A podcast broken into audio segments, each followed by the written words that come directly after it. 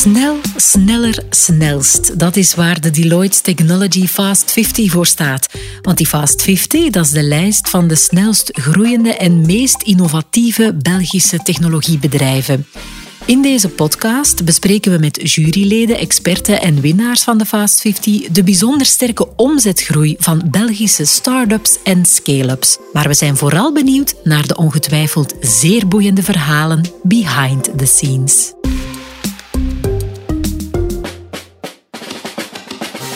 In de categorie Digital Content Media en Entertainment van Deloitte's Fast 50 stak het bedrijf Hello Customer er met kop en schouders bovenuit, met een groei van 1600 procent in de voorbije vier jaar. En daarom heb ik hier vandaag Leslie Cottenier te gast, CEO van eh, de gloednieuwe winnaar. Dag Leslie, proficiat hè, met de prijs. Hallo, dankjewel. Ja, als je het zo, zo uitdrukt in een percentage, klinkt dat uh, waanzinnig. Ja, ja, en dan een terechte prijs denk ik dan ook. Hè? Ja, maar ik vind het gewoon heel, uh, heel mooi voor mijn team en ook een echte opsteker in deze moeilijke tijden. Dus dat is echt heel fijn. We hebben zoals altijd ook een expert voor deze podcast uitgenodigd. En dat is iemand die weinig introductie nodig heeft.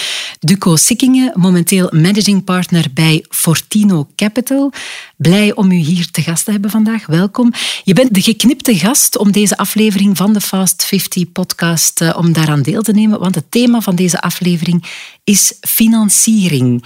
En daar weet jij wel veel over te vertellen, denk ik. Hè? Dank voor de uitnodiging om hier te zijn. En gefeliciteerd natuurlijk uh, voor Hello Customer. Want uh, wij weten inderdaad bij Fortino dat over uh, ondernemen wordt heel makkelijk gesproken, maar de realiteit is natuurlijk veel weerbarstiger. En daar hoort financiering ook bij. En een ondernemer heeft geld nodig, maar het liefst zo min mogelijk natuurlijk, want dat is het beste voor de gezondheid van het bedrijf. Hello Customer, het is een vrolijke naam, Leslie, maar kan je eens vertellen wat jullie precies doen? Ja, absoluut. Um, Hello Customer is een uh, intelligent feedbackplatform die in de totale customer journey, zowel op offline als online momenten, klanten vraagt naar feedback. Geen lange vragenlijsten, geen enquêtes, maar puur heel menselijk. Wat vonden van uw, uh, van uw interactie? Daar hebben wij um, AI opgebouwd die al die feedback uh, automatisch in real-time gaat lezen, analyseren en in de juiste inzichten bij de juiste teams terug gaat neerleggen bij bedrijven, zodat bedrijven in alle lagen van de organisatie echt gaan bezig zijn met waarde creëren voor de klant. Ja, AI, artificial intelligence, yes. voor de niet-computer-nerd zoals, uh, zoals ik zelf. Je hebt dan dat idee, je hebt de mensen, dan ontbreken de middelen nog. Uh, hoe begin je dan aan de zoektocht naar centen? Heb je bijvoorbeeld aangeklopt bij Duco? Ja, en ik heb net geleerd dat het in 2016 was, uh, dat ik een paar keer bij jullie heb gezeten. Ik denk dat jullie in, in Brussel, in, in Zaventem... Zaventem, Zaventem ja. inderdaad. Daar ben ik inderdaad een paar keer geweest, maar naast Fortino denk ik dat ik overal ben geweest in, uh, in België en daarbuiten. Uh, hoe begin je eraan? Uh, proberen op de radar te komen, je netwerk aanspreken en, en zien of dat er ergens mensen zijn die warm te krijgen zijn voor, voor jouw verhaal. En dat is uiteindelijk gelukt dan? Dat is uiteindelijk gelukt. Ja, wij zijn vanuit onze, ons eerste bedrijf, dus Hello Customer is een, een voortzetting vanuit onze digital agency Purplexity. Van daaruit, via onze eerste business angel, zijn we kunnen uit de startblokken komen met een investering van 500.000 euro. En zo vijf jaar later zijn we waar we zijn. Als je dit nu hoort, Duco, heb je dan geen spijt dat jullie met Fortino Capital niet geïnvesteerd hebben, vijf jaar geleden? In ons vak moet je er tegen kunnen dat je veel meer investeringen niet doet dan wel doet. We hebben natuurlijk ook maar een beperkte zak met geld. En wij moeten vanuit ons perspectief kijken van waar voelen we ons het meest thuis. En ook waar kunnen we het meest waarde toevoegen. Dus er spelen allemaal niet-financiële zaken een rol om te kijken waar passen wij ook het beste bij. Niet alleen wie past het best bij ons, maar vooral bij welk dossier passen wij. En uh, soms hebben we te veel dingen tegelijkertijd en moeten we ook kiezen. Maar dat betekent niet dat bepaalde dossiers slechter zijn. En dus is het wel verstandig om, als je nee krijgt, toch te blijven kloppen op deuren om een uiteindelijke ja te krijgen? Absoluut, dat is net zoals met klanten. Je gaat bij heel veel klanten op bezoek, maar uiteindelijk, je weet altijd dat je conversie van prospect naar klant is ook maar een percentage. Ja. Dat betekent niet dat al die andere klanten die je niet hebt gehad ongelijk hebben. Die hebben andere keuzes gemaakt. Ja, en dan uiteindelijk toch die 500.000 euro uh, binnengehaald. Die staat dan op jouw rekening. Hoe ga je daar dan mee om? Want dat is veel geld. Uh, hoe beslis je dan uh, waar je dat geld aan uitgeeft?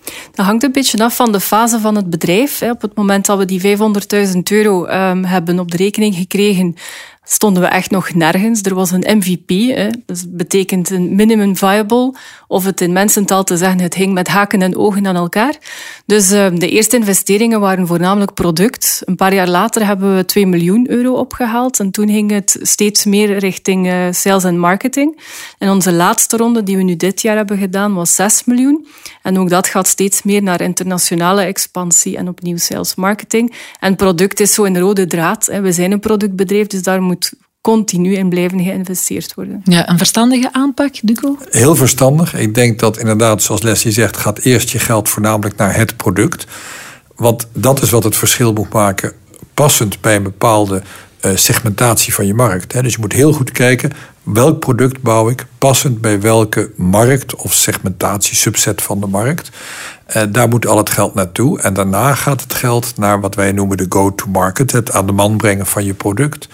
En uh, vooral de eerste fase, hoeveel geld mag er in het product geïnvesteerd worden om tot dat minimum viable product te komen, MVP, dat is altijd de grote vraag. Want soms moet je ook de markt op durven gaan met een product dat al, je product is altijd niet af. En je klant zal altijd weer iets nieuws wensen, maar dat is zo leven.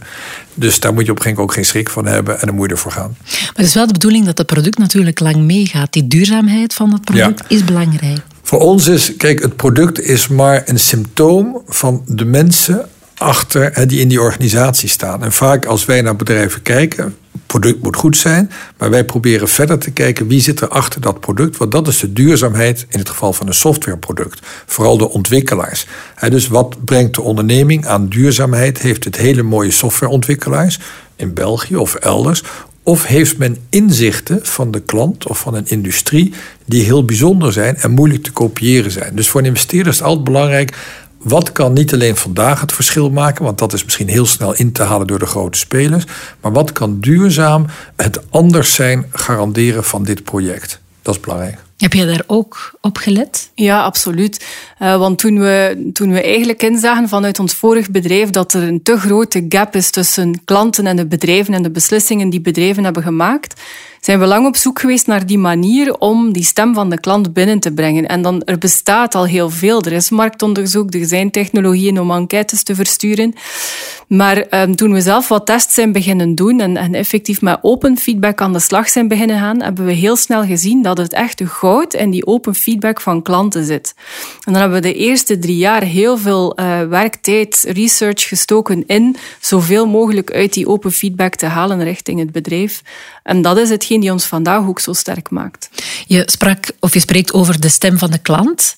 Je hebt natuurlijk misschien ook de stem van de investeerder. Hou je daar ook rekening mee? Wij luisteren naar verschillende, zal ik maar, stakeholders zeggen. We hebben eh, sowieso mensen die, waar wij heel veel advies bij inwinnen. Dat zijn mensen die eh, in de field eh, of, of ja, in het bedrijfsleven organisaties helpen om, om waarde te creëren voor klanten. concurrenten. Een van onze boardmembers was vroeger de CMO bij Medalia. Dat is onze grootste concurrent wereldwijd. Ehm, dan hebben we natuurlijk ja, onze investeerders, die, zijn, die, die, die spreken heel veel bedrijven in onze space, dus customer experience dus uiteraard luisteren we daarnaar, maar we doen toch nog altijd ons eigen ding. dus eh, de, de, blik over de schouders. Ehm, ja, echt heel blij word je daar niet van dan. Het gaat erom, we hebben, onze, we hebben een missie met Hello Customer. En we hebben het bedrijf gestart voor een bepaalde reden en we blijven daar trouw. Want heel het bedrijf staat daar ook gewoon achter. En um, Inzichten die zijn belangrijk en die kunnen daartoe bijdragen, maar at the end of the day moet je verder doen waar je zelf in gelooft en waar het bedrijf, wat het bedrijf vandaag ook gebracht heeft waar hm. het staat. Mag een investeerder zich moeien eigenlijk, Duco? Maar eigenlijk een investeerder wil toekijken naar een bedrijf dat zich goed ontwikkelt. En om daarop te antwoorden, enerzijds moet een ondernemer, en dat is ook vaak zo, een sterk idee hebben waar hij of zij het verschil wil maken. En, en dat is ook de kracht van die ondernemer. En die moet je vooral in zijn waarde laten. Waar wij wel naar kijken is, in dialoog, beste ondernemer, waar komt jouw motivatie of inzicht vandaan? Met andere woorden, heb jij, zoals Leslie aangeeft, met je klanten gesproken? Wat vertellen jouw klanten je? En, en wat zegt die informatie je?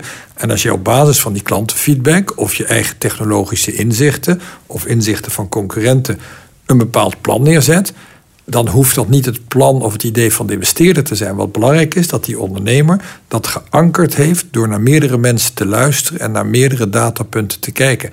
En dan denk ik dat er altijd een evenwichtig beeld ontstaat.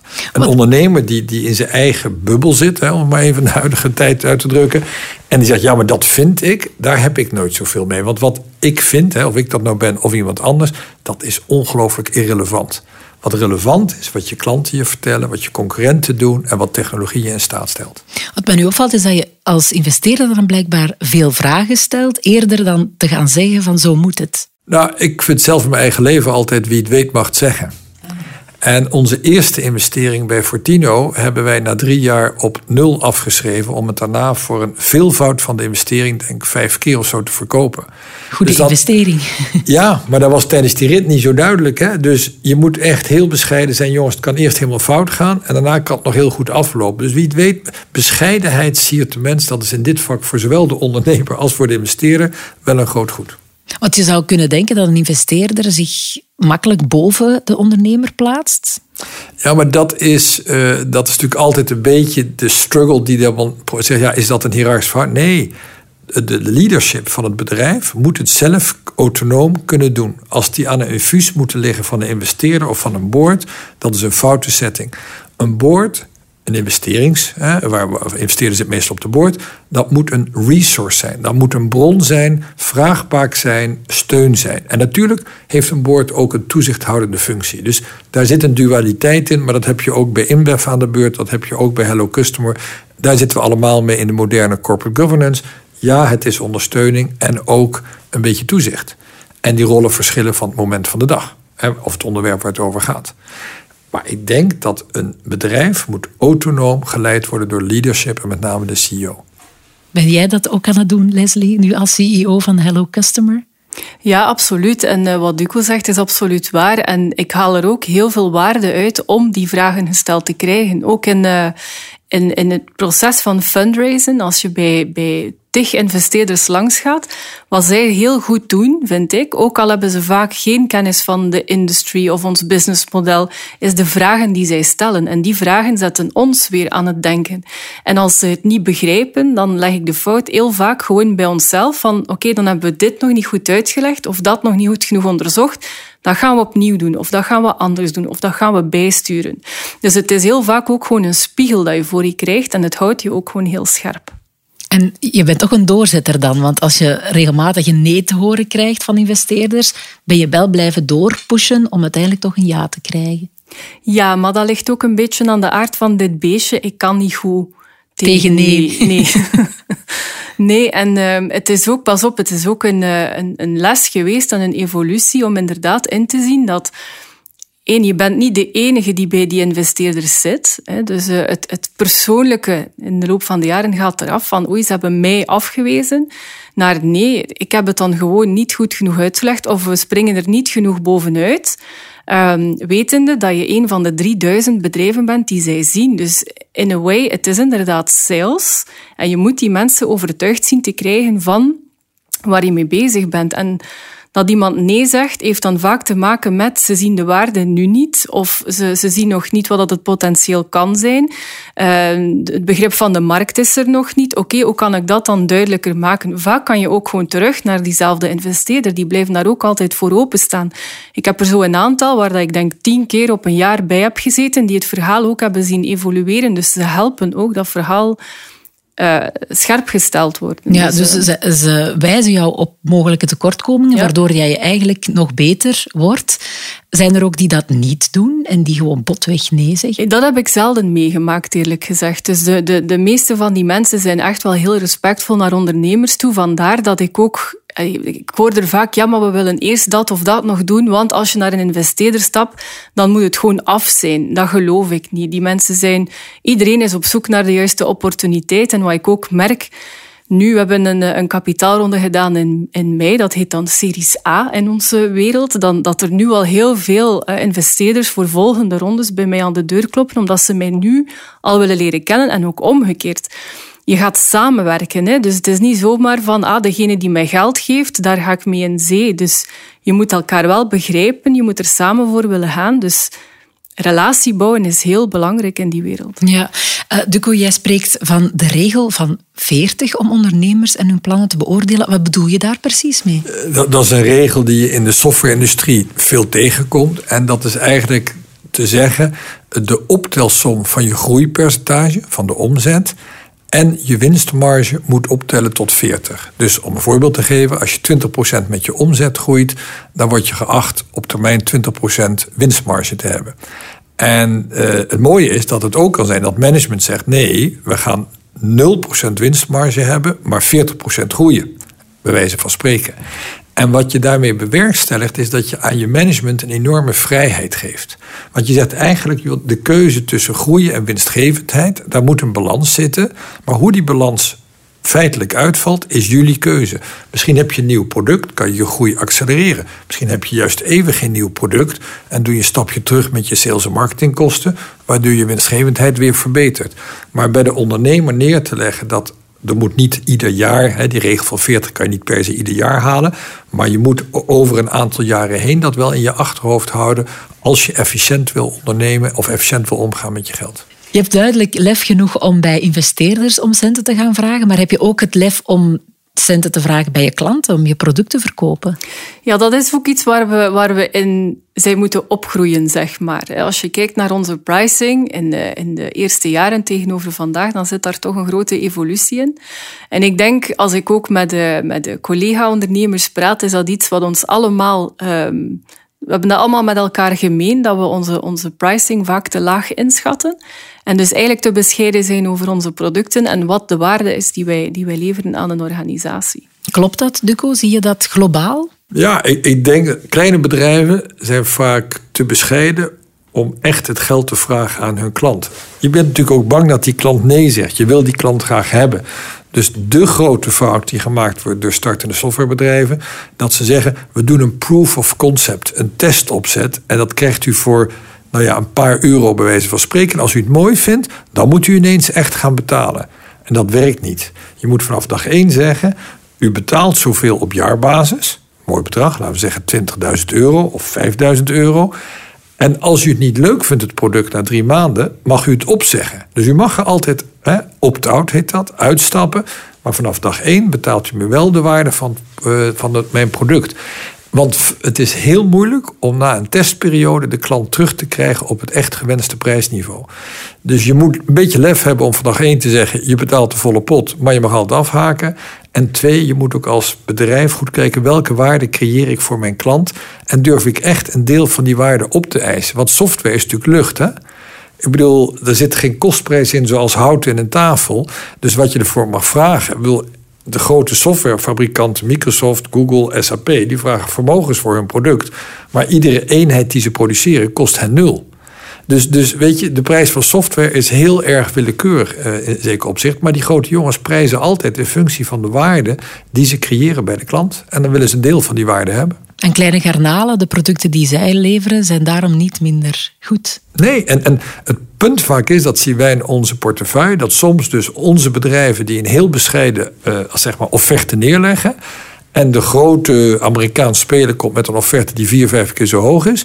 De klant dan denkt, ja, het zal wel zo duur moeten zijn als die Amerikaan zegt. Want dat is een bekende speler. Dus ja, dan gaan we toch maar liever vier vijf keer zoveel betalen. Dus weet je, het is ook soms heel irrationeel aan de kant van de klant. Ja, Leslie, je hebt het gehoord. Durven geld vragen voor je product. Heb jij nog tips voor onze luisteraars? De ultieme tips rond financiering? Um, ik denk dat ik ze eigenlijk al heb genoemd. Gewoon geen schroom hebben om uh, effectief met investeerders te gaan praten. Ook al heb je zelf het gevoel dat je er nog niet klaar voor bent. Het is gewoon een ongelooflijke learning experience ook. En hou er rekening mee, het is een beetje marketing en sales doen op dat vlak. Uh, een investeerder ziet gewillig meer dan 3000 bedrijven op een jaar. Dus zoek de manier te stand out. En daar gaat het om. Duco, nog iets aan toe te voegen? Nee, ik vind het mooi om uh, Leslie te horen praten. Uh, dat zijn mensen die de komende jaar het verschil gaan maken. Ik denk dat één ding is duidelijk. Als we ook naast de hele huidige COVID-situatie vooruit willen in Vlaanderen, in België, in Europa hebben we dit soort ondernemers nodig die op een moderne manier ondernemen met moderne technologie. Daar gaan we het echt van moeten hebben. Oké, dank jullie hartelijk voor al jullie inzichten over financiering. Leslie Cottenier, CEO van Hello Customer. En uiteraard nogmaals gefeliciteerd met het winnen van de award. En natuurlijk ook een welgemeende dankjewel, Duco Sikkingen, om jouw expertise hier met ons en met de luisteraar te delen. In de volgende aflevering spreken we met de sterkste groeier in de categorie medical devices. Dan spreek ik met de CEO van het bedrijf Byteflies. Weer al zo'n spectaculair groeibedrijf dat een omzet realiseerde van 2990 procent. Tot dan.